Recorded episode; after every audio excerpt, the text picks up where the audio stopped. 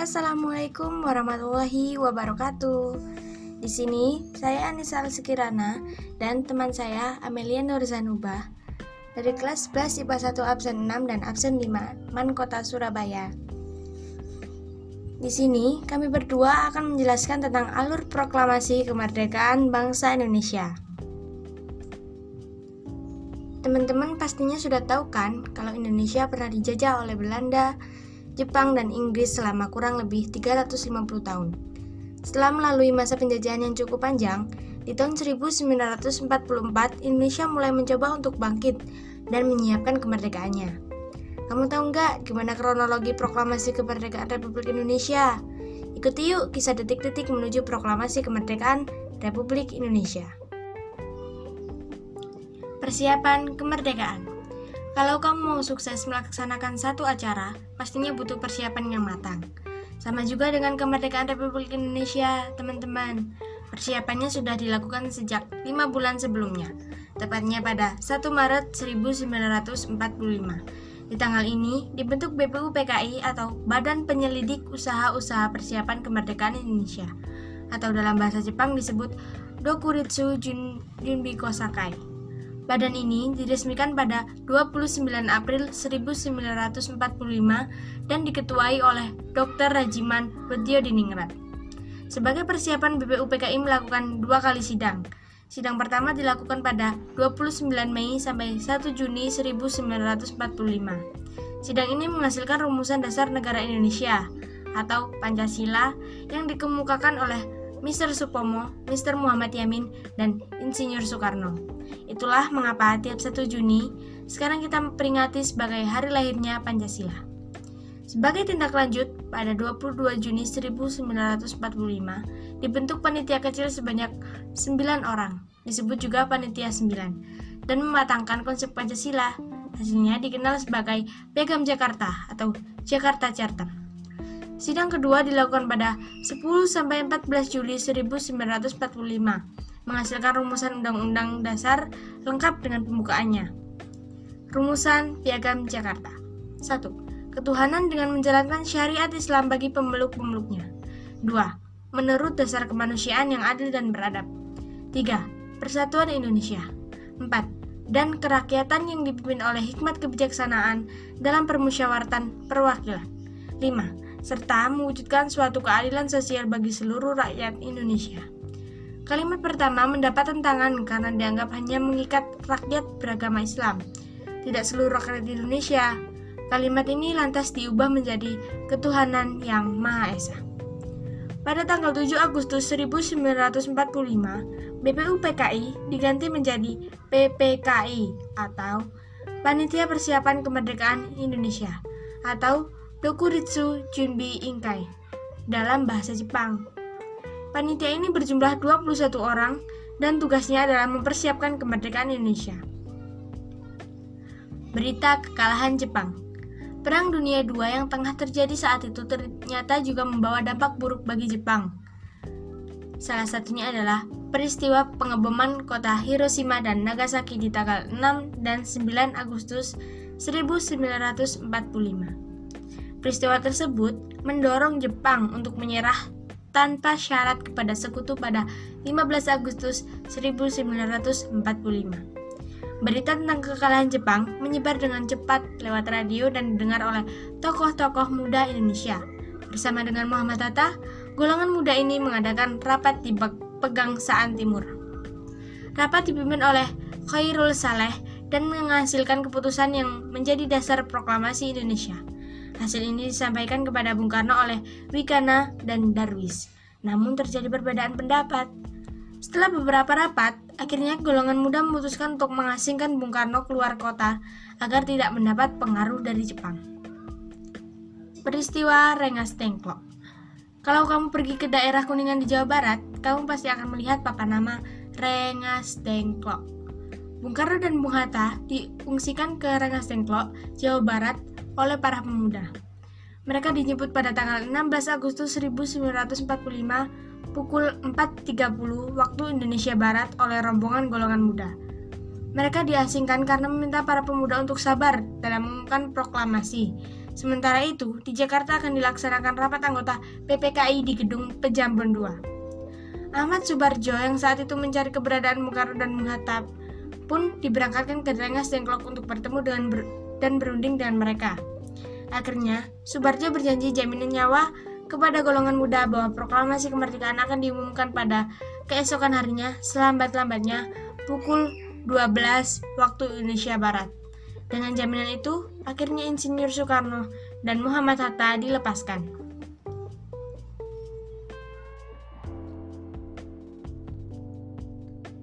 Dari Rengas Dengklok, rombongan tiba kembali di Jakarta pukul 23.30 waktu Indonesia Barat.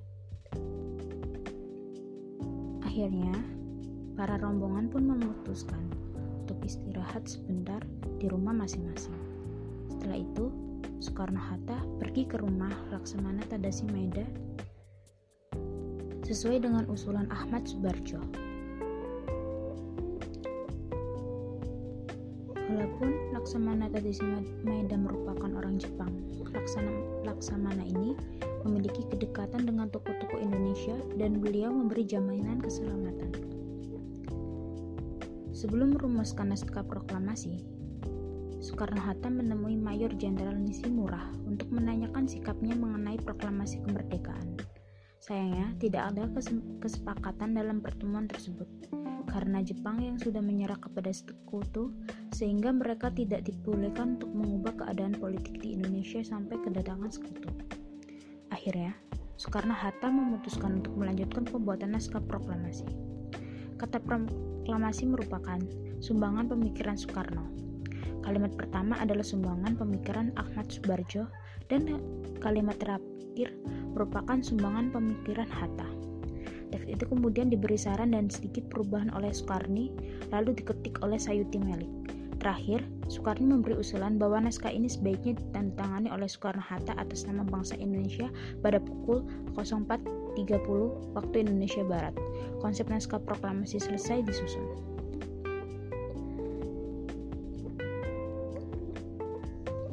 Semula, pembacaan teks proklamasi akan dilaksanakan di lapangan Ikada.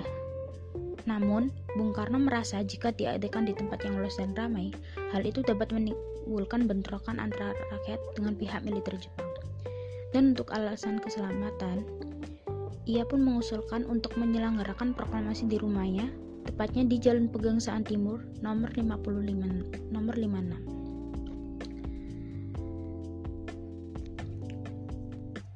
Detik-detik menuju proklamasi kemerdekaan, rakyat Indonesia semakin dekat.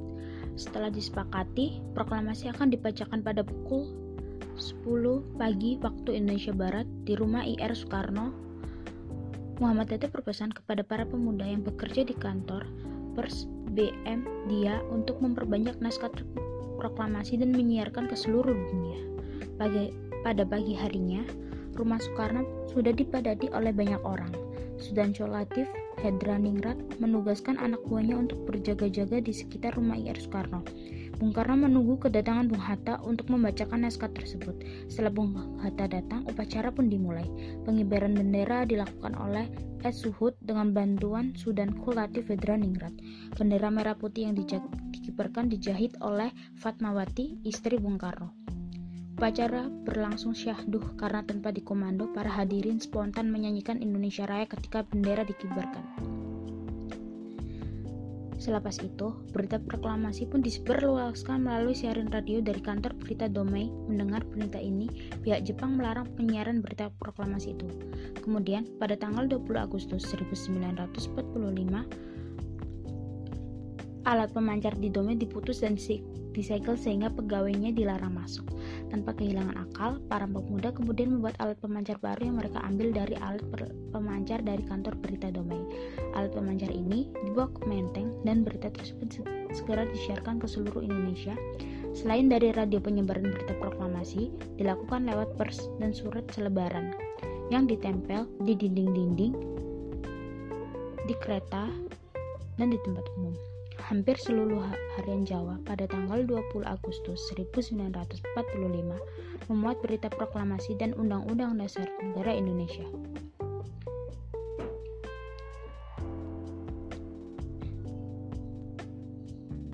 Sekian. Ya teman-teman, dari penjelasan di atas dapat kita rangkum urutan kronologi peristiwa sekitar proklamasi kemerdekaan Indonesia adalah sebagai berikut. 6 Agustus 1945, kota Hiroshima, Jepang dijatuhi bom atom pertama oleh Amerika Serikat. 7 Agustus 1945, BPU PKI dibubarkan dan dibentuk PPKI.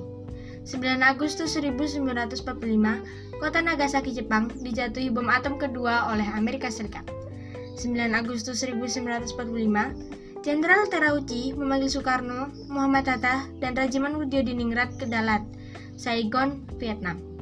12 Agustus 1945, Soekarno, Muhammad Hatta, dan Rajiman Diningrat ke Dalat, bertemu Marsekal Terauchi yang menegaskan Jepang akan menyerahkan kemerdekaan kepada bangsa Indonesia. 14 Agustus 1945, Soekarno, Muhammad Hatta, Rajiman Diningrat kembali ke Indonesia. Sultan Syahrir mendesak Soekarno-Hatta untuk memproklamasikan kemerdekaan Indonesia. 15 Agustus 1945, Jepang menyerah tanpa syarat ke sekutu dan terjadi kekosongan kekuasaan atau vacuum of power di Indonesia. 15 Agustus 1945, golongan muda mendesak, mendesak Soekarno segera memproklamasikan kemerdekaan paling lambat 16 Agustus 1945. Soekarno menolak karena ingin meminta pendapat para anggota PPKI. 16 Agustus 1945, dini hari, Soekarno dan Muhammad Hatta diculik oleh golongan muda ke Rengas Dengklok, Karawang, dan dipaksa segera memproklamasikan kemerdekaan Indonesia melalui radio. 16 Agustus 1945, malam, Soekarno dan Muhammad Hatta kembali ke Jakarta. Di rumah Laksamana Maeda Tadasi, para tokoh nasional berkumpul untuk berunding tentang persiapan proklamasi kemerdekaan Republik Indonesia. 16 Agustus 1945 sampai 17 Agustus 1945, malam hingga pagi, Soekarno dan Muhammad Hatta bersama golongan muda dan golongan tua membahas perumusan naskah proklamasi kemerdekaan Indonesia. 17 Agustus 1945, pada jam 10 pagi, Soekarno dan Muhammad Hatta membacakan teks naskah proklamasi kemerdekaan Republik Indonesia di Jalan Pegangsaan Timur 56. 18 Agustus 1945, PPKI mengesahkan UUD 1945 sebagai dasar negara Indonesia.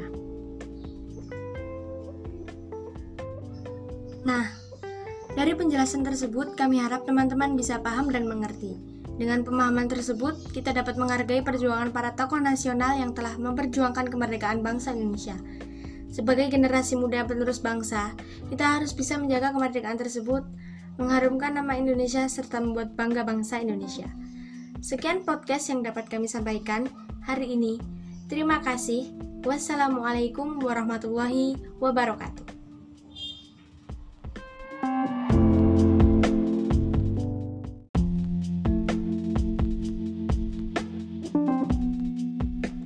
Assalamualaikum warahmatullahi wabarakatuh. Di sini, saya Anissa Sekirana dan teman saya Amelia Nurzanuba dari kelas 11 IPA 1 absen 6 dan absen 5 Man Kota Surabaya. Di sini, kami berdua akan menjelaskan tentang alur proklamasi kemerdekaan bangsa Indonesia. Teman-teman pastinya sudah tahu kan kalau Indonesia pernah dijajah oleh Belanda, Jepang, dan Inggris selama kurang lebih 350 tahun. Setelah melalui masa penjajahan yang cukup panjang, di tahun 1944 Indonesia mulai mencoba untuk bangkit dan menyiapkan kemerdekaannya. Kamu tahu nggak gimana kronologi proklamasi kemerdekaan Republik Indonesia? Ikuti yuk kisah detik-detik menuju proklamasi kemerdekaan Republik Indonesia. Persiapan kemerdekaan Kalau kamu mau sukses melaksanakan satu acara, pastinya butuh persiapan yang matang. Sama juga dengan kemerdekaan Republik Indonesia, teman-teman. Persiapannya sudah dilakukan sejak lima bulan sebelumnya, tepatnya pada 1 Maret 1945. Di tanggal ini dibentuk BPU PKI atau Badan Penyelidik Usaha-Usaha Persiapan Kemerdekaan Indonesia atau dalam bahasa Jepang disebut Dokuritsu Jun, Junbi Kosakai. Badan ini diresmikan pada 29 April 1945 dan diketuai oleh Dr. Rajiman Diningrat. Sebagai persiapan BPUPKI melakukan dua kali sidang. Sidang pertama dilakukan pada 29 Mei sampai 1 Juni 1945. Sidang ini menghasilkan rumusan dasar negara Indonesia atau Pancasila yang dikemukakan oleh Mr. Supomo, Mr. Muhammad Yamin, dan Insinyur Soekarno. Itulah mengapa tiap 1 Juni sekarang kita peringati sebagai hari lahirnya Pancasila.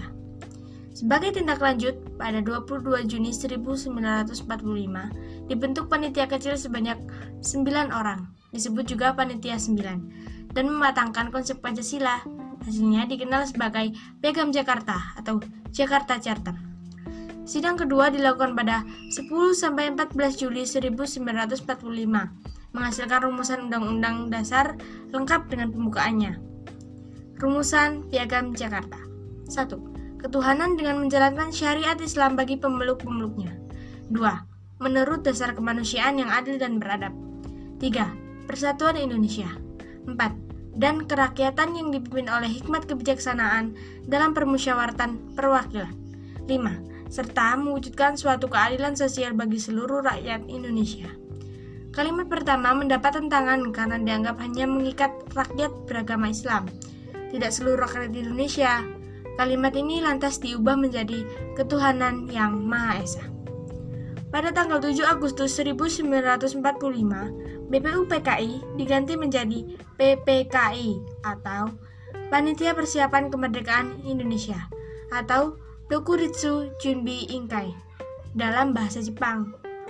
Panitia ini berjumlah 21 orang dan tugasnya adalah mempersiapkan kemerdekaan Indonesia. Berita kekalahan Jepang Perang Dunia II yang tengah terjadi saat itu ternyata juga membawa dampak buruk bagi Jepang.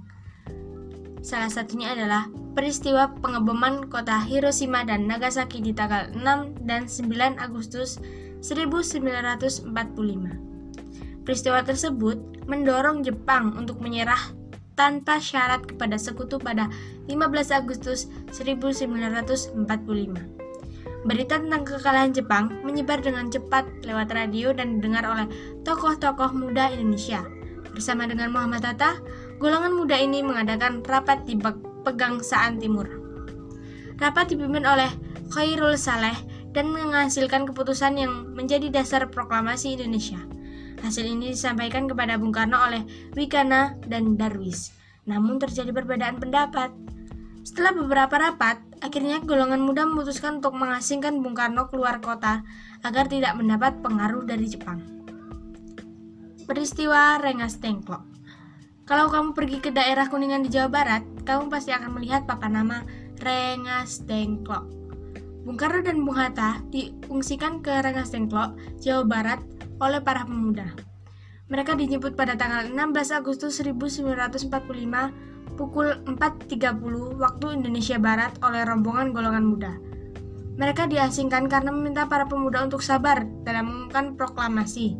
Sementara itu, di Jakarta akan dilaksanakan rapat anggota PPKI di gedung Pejambon II. Ahmad Subarjo yang saat itu mencari keberadaan Bung Karno dan Bung Hatta pun diberangkatkan ke Rengas Dengklok untuk bertemu dengan dan berunding dengan mereka.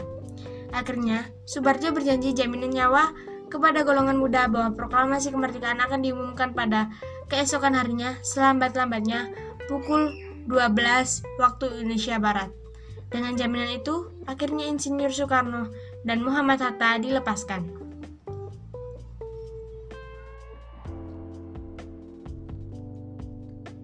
Dari Rengas Dengklok, rombongan tiba kembali di Jakarta pukul 23.30 waktu Indonesia Barat. Akhirnya, para rombongan pun memutuskan untuk istirahat sebentar di rumah masing-masing. Setelah itu, Soekarno-Hatta pergi ke rumah Laksamana Tadasi Maeda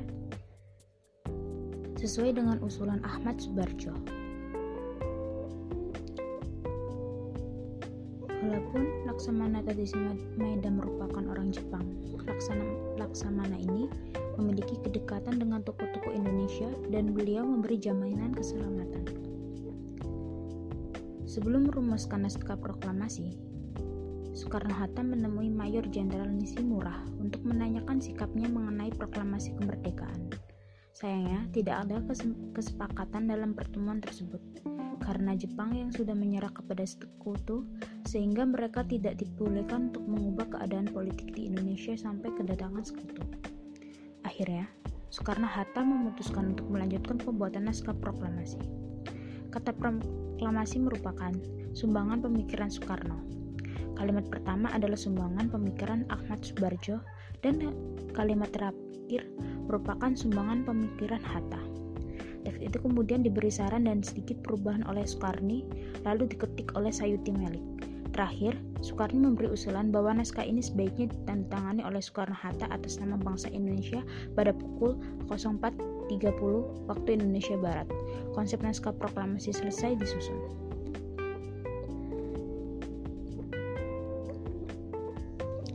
Semula, pembacaan teks proklamasi akan dilaksanakan di lapangan Ikada namun, Bung Karno merasa jika diadakan di tempat yang luas dan ramai, hal itu dapat menimbulkan bentrokan antara rakyat dengan pihak militer Jepang.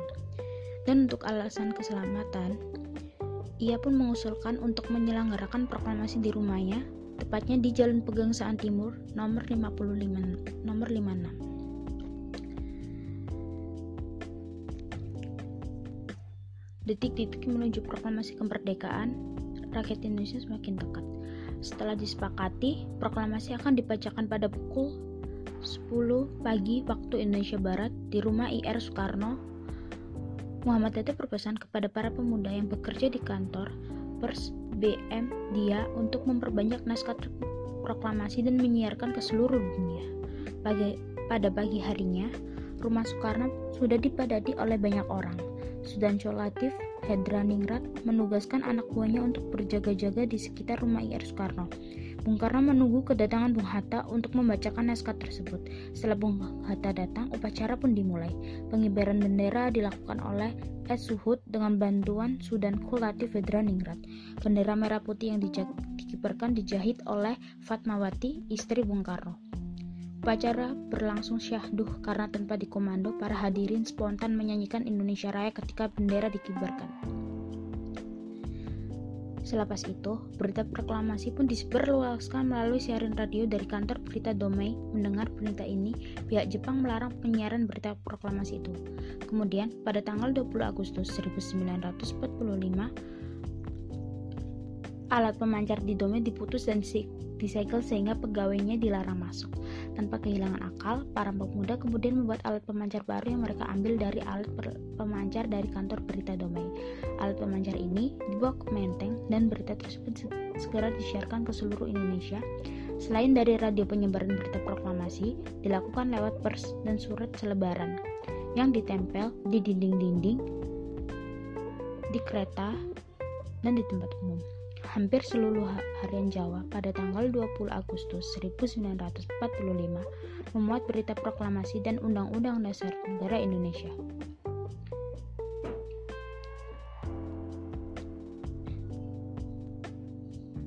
Sekian. Ya teman-teman, dari penjelasan di atas dapat kita rangkum Urutan kronologi peristiwa sekitar proklamasi kemerdekaan Indonesia adalah sebagai berikut. 6 Agustus 1945, kota Hiroshima, Jepang dijatuhi bom atom pertama oleh Amerika Serikat. 7 Agustus 1945, BPU PKI dibubarkan dan dibentuk PPKI. 9 Agustus 1945, kota Nagasaki, Jepang dijatuhi bom atom kedua oleh Amerika Serikat.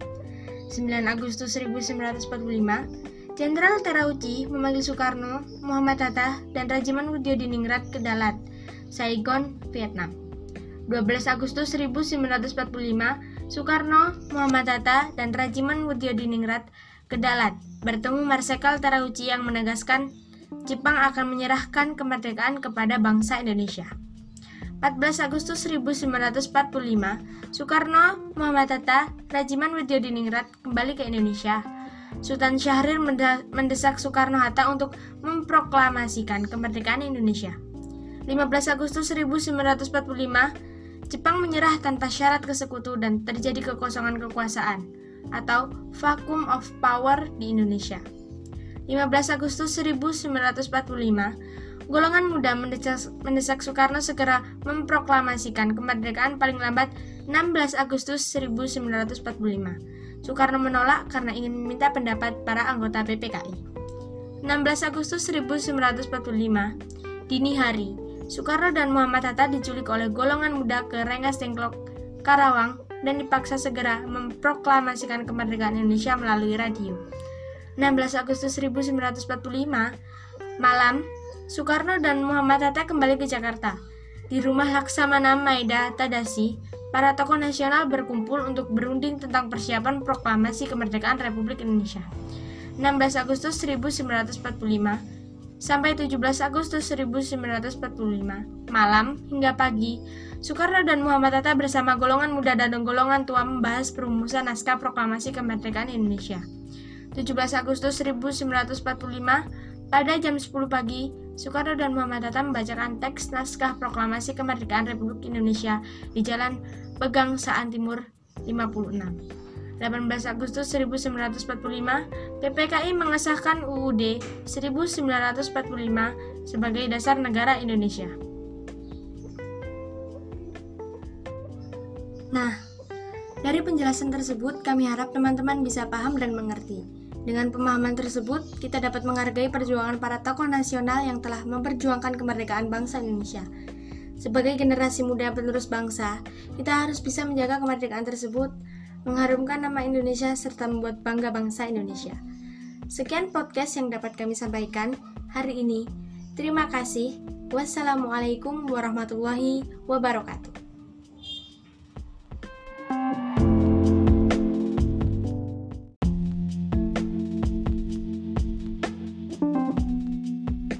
Assalamualaikum warahmatullahi wabarakatuh. Di sini saya Anissa Sekirana dan teman saya Amelia Nurzanuba dari kelas 11 IPA 1 absen 6 dan absen 5 Man Kota Surabaya. Di sini kami berdua akan menjelaskan tentang alur proklamasi kemerdekaan bangsa Indonesia. Teman-teman pastinya sudah tahu kan kalau Indonesia pernah dijajah oleh Belanda, Jepang, dan Inggris selama kurang lebih 350 tahun. Setelah melalui masa penjajahan yang cukup panjang, di tahun 1944 Indonesia mulai mencoba untuk bangkit dan menyiapkan kemerdekaannya. Kamu tahu nggak gimana kronologi proklamasi kemerdekaan Republik Indonesia? Ikuti yuk kisah detik-detik menuju proklamasi kemerdekaan Republik Indonesia. Persiapan kemerdekaan kalau kamu mau sukses melaksanakan satu acara, pastinya butuh persiapan yang matang. Sama juga dengan kemerdekaan Republik Indonesia, teman-teman. Persiapannya sudah dilakukan sejak 5 bulan sebelumnya, tepatnya pada 1 Maret 1945. Di tanggal ini dibentuk BPU PKI atau Badan Penyelidik Usaha-Usaha Persiapan Kemerdekaan Indonesia atau dalam bahasa Jepang disebut Dokuritsu Jun, Junbiko Sakai. Badan ini diresmikan pada 29 April 1945 dan diketuai oleh Dr. Rajiman Bedyo Diningrat. Sebagai persiapan BPUPKI melakukan dua kali sidang. Sidang pertama dilakukan pada 29 Mei sampai 1 Juni 1945. Sidang ini menghasilkan rumusan dasar negara Indonesia atau Pancasila yang dikemukakan oleh Mr. Supomo, Mr. Muhammad Yamin, dan Insinyur Soekarno. Itulah mengapa tiap 1 Juni sekarang kita peringati sebagai hari lahirnya Pancasila. Sebagai tindak lanjut, pada 22 Juni 1945 dibentuk panitia kecil sebanyak 9 orang, disebut juga panitia 9, dan mematangkan konsep Pancasila. Hasilnya dikenal sebagai Piagam Jakarta atau Jakarta Charter. Sidang kedua dilakukan pada 10 sampai 14 Juli 1945, menghasilkan rumusan Undang-Undang Dasar lengkap dengan pembukaannya. Rumusan Piagam Jakarta 1. Ketuhanan dengan menjalankan syariat Islam bagi pemeluk-pemeluknya. 2. Menurut dasar kemanusiaan yang adil dan beradab. 3. Persatuan Indonesia. 4. Dan kerakyatan yang dipimpin oleh hikmat kebijaksanaan dalam permusyawaratan perwakilan. 5 serta mewujudkan suatu keadilan sosial bagi seluruh rakyat Indonesia. Kalimat pertama mendapat tentangan karena dianggap hanya mengikat rakyat beragama Islam, tidak seluruh rakyat Indonesia. Kalimat ini lantas diubah menjadi ketuhanan yang Maha Esa. Pada tanggal 7 Agustus 1945, BPUPKI diganti menjadi PPKI atau Panitia Persiapan Kemerdekaan Indonesia atau Dokuritsu Junbi Inkai dalam bahasa Jepang. Panitia ini berjumlah 21 orang dan tugasnya adalah mempersiapkan kemerdekaan Indonesia. Berita kekalahan Jepang Perang Dunia II yang tengah terjadi saat itu ternyata juga membawa dampak buruk bagi Jepang. Salah satunya adalah peristiwa pengeboman kota Hiroshima dan Nagasaki di tanggal 6 dan 9 Agustus 1945. Peristiwa tersebut mendorong Jepang untuk menyerah tanpa syarat kepada sekutu pada 15 Agustus 1945. Berita tentang kekalahan Jepang menyebar dengan cepat lewat radio dan didengar oleh tokoh-tokoh muda Indonesia. Bersama dengan Muhammad Hatta, golongan muda ini mengadakan rapat di Pegangsaan Timur. Rapat dipimpin oleh Khairul Saleh dan menghasilkan keputusan yang menjadi dasar proklamasi Indonesia. Hasil ini disampaikan kepada Bung Karno oleh Wikana dan Darwis. Namun terjadi perbedaan pendapat. Setelah beberapa rapat, akhirnya golongan muda memutuskan untuk mengasingkan Bung Karno keluar kota agar tidak mendapat pengaruh dari Jepang. Peristiwa Rengas Dengklok Kalau kamu pergi ke daerah Kuningan di Jawa Barat, kamu pasti akan melihat papan nama Rengas Dengklok. Bung Karno dan Bung Hatta diungsikan ke Rengas Dengklok, Jawa Barat oleh para pemuda. Mereka dijemput pada tanggal 16 Agustus 1945 pukul 4.30 waktu Indonesia Barat oleh rombongan golongan muda. Mereka diasingkan karena meminta para pemuda untuk sabar dalam mengumumkan proklamasi. Sementara itu, di Jakarta akan dilaksanakan rapat anggota PPKI di gedung Pejambon II. Ahmad Subarjo yang saat itu mencari keberadaan Bung Karno dan Bung Hatta pun diberangkatkan ke Rengas Dengklok untuk bertemu dengan dan berunding dengan mereka. Akhirnya, Subarjo berjanji jaminan nyawa kepada golongan muda bahwa proklamasi kemerdekaan akan diumumkan pada keesokan harinya selambat-lambatnya pukul 12 waktu Indonesia Barat. Dengan jaminan itu, akhirnya Insinyur Soekarno dan Muhammad Hatta dilepaskan.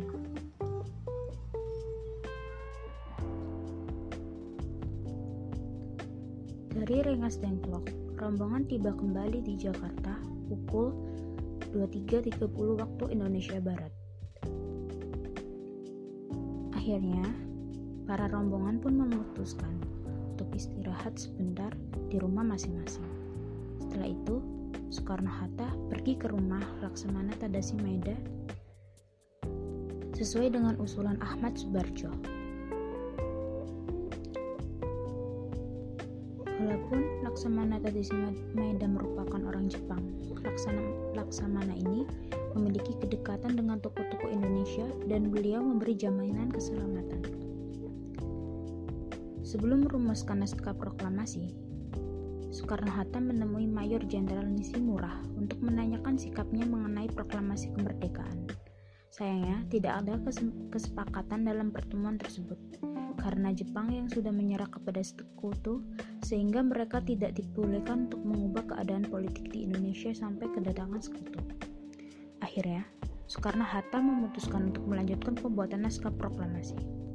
Kata proklamasi merupakan sumbangan pemikiran Soekarno. Kalimat pertama adalah sumbangan pemikiran Ahmad Subarjo dan kalimat terakhir merupakan sumbangan pemikiran Hatta. Teks itu kemudian diberi saran dan sedikit perubahan oleh Soekarni, lalu diketik oleh Sayuti Melik. Terakhir, Soekarni memberi usulan bahwa naskah ini sebaiknya ditandatangani oleh Soekarno-Hatta atas nama bangsa Indonesia pada pukul 04.30 waktu Indonesia Barat. Konsep naskah proklamasi selesai disusun.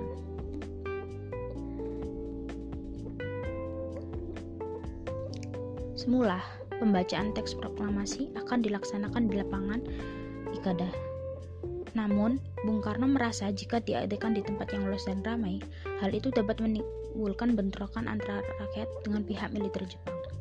Dan untuk alasan keselamatan, ia pun mengusulkan untuk menyelenggarakan proklamasi di rumahnya, tepatnya di Jalan Pegangsaan Timur nomor 55 nomor 56.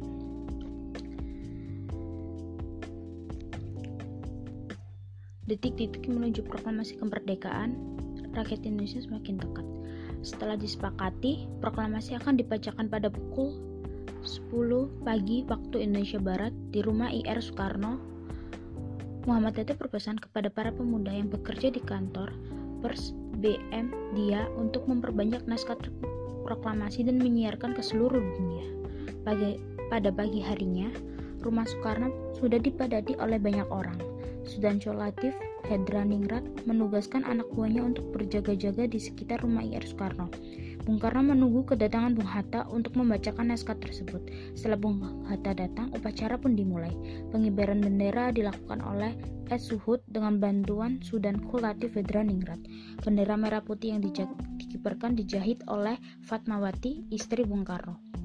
Upacara berlangsung syahduh karena tanpa dikomando, para hadirin spontan menyanyikan Indonesia Raya ketika bendera dikibarkan. Selepas itu, berita proklamasi pun disebarluaskan melalui siaran radio dari kantor berita Domei. Mendengar berita ini, pihak Jepang melarang penyiaran berita proklamasi itu. Kemudian, pada tanggal 20 Agustus 1945, alat pemancar di Domei diputus dan disegel sehingga pegawainya dilarang masuk. Tanpa kehilangan akal, para pemuda kemudian membuat alat pemancar baru yang mereka ambil dari alat pemancar dari kantor berita Domei. Alat pemancar ini dibawa ke Menteng dan berita tersebut segera disiarkan ke seluruh Indonesia. Selain dari radio penyebaran berita proklamasi, dilakukan lewat pers dan surat selebaran yang ditempel di dinding-dinding, di kereta, dan di tempat umum hampir seluruh harian Jawa pada tanggal 20 Agustus 1945 memuat berita proklamasi dan Undang-Undang Dasar Negara Indonesia.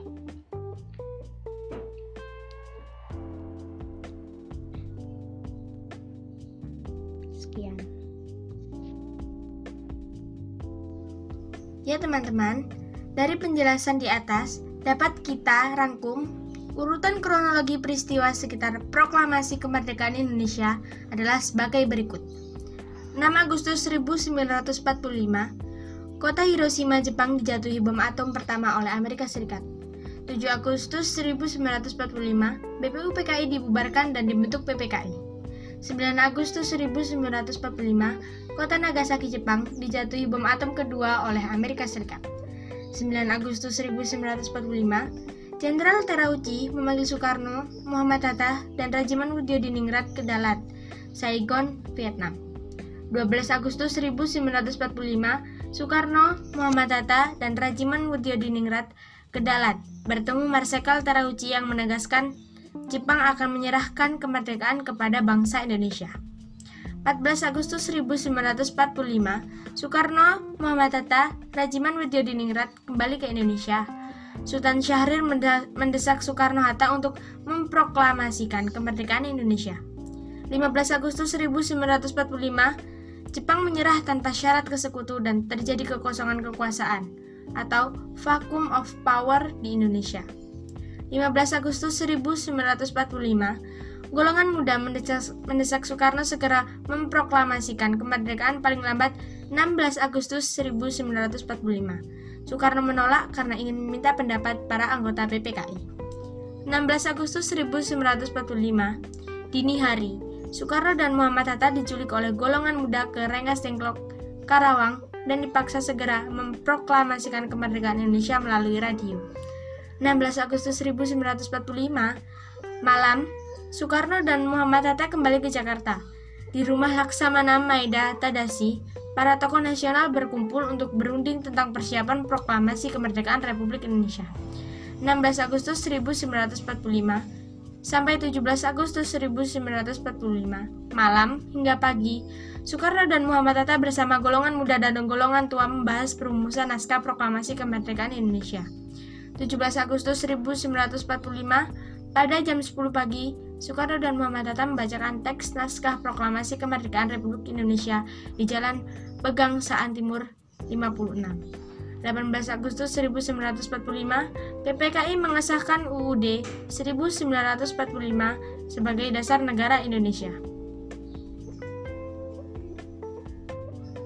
Nah, dari penjelasan tersebut kami harap teman-teman bisa paham dan mengerti. Dengan pemahaman tersebut, kita dapat menghargai perjuangan para tokoh nasional yang telah memperjuangkan kemerdekaan bangsa Indonesia. Sebagai generasi muda penerus bangsa, kita harus bisa menjaga kemerdekaan tersebut, mengharumkan nama Indonesia, serta membuat bangga bangsa Indonesia. Sekian podcast yang dapat kami sampaikan hari ini. Terima kasih. Wassalamualaikum warahmatullahi wabarakatuh.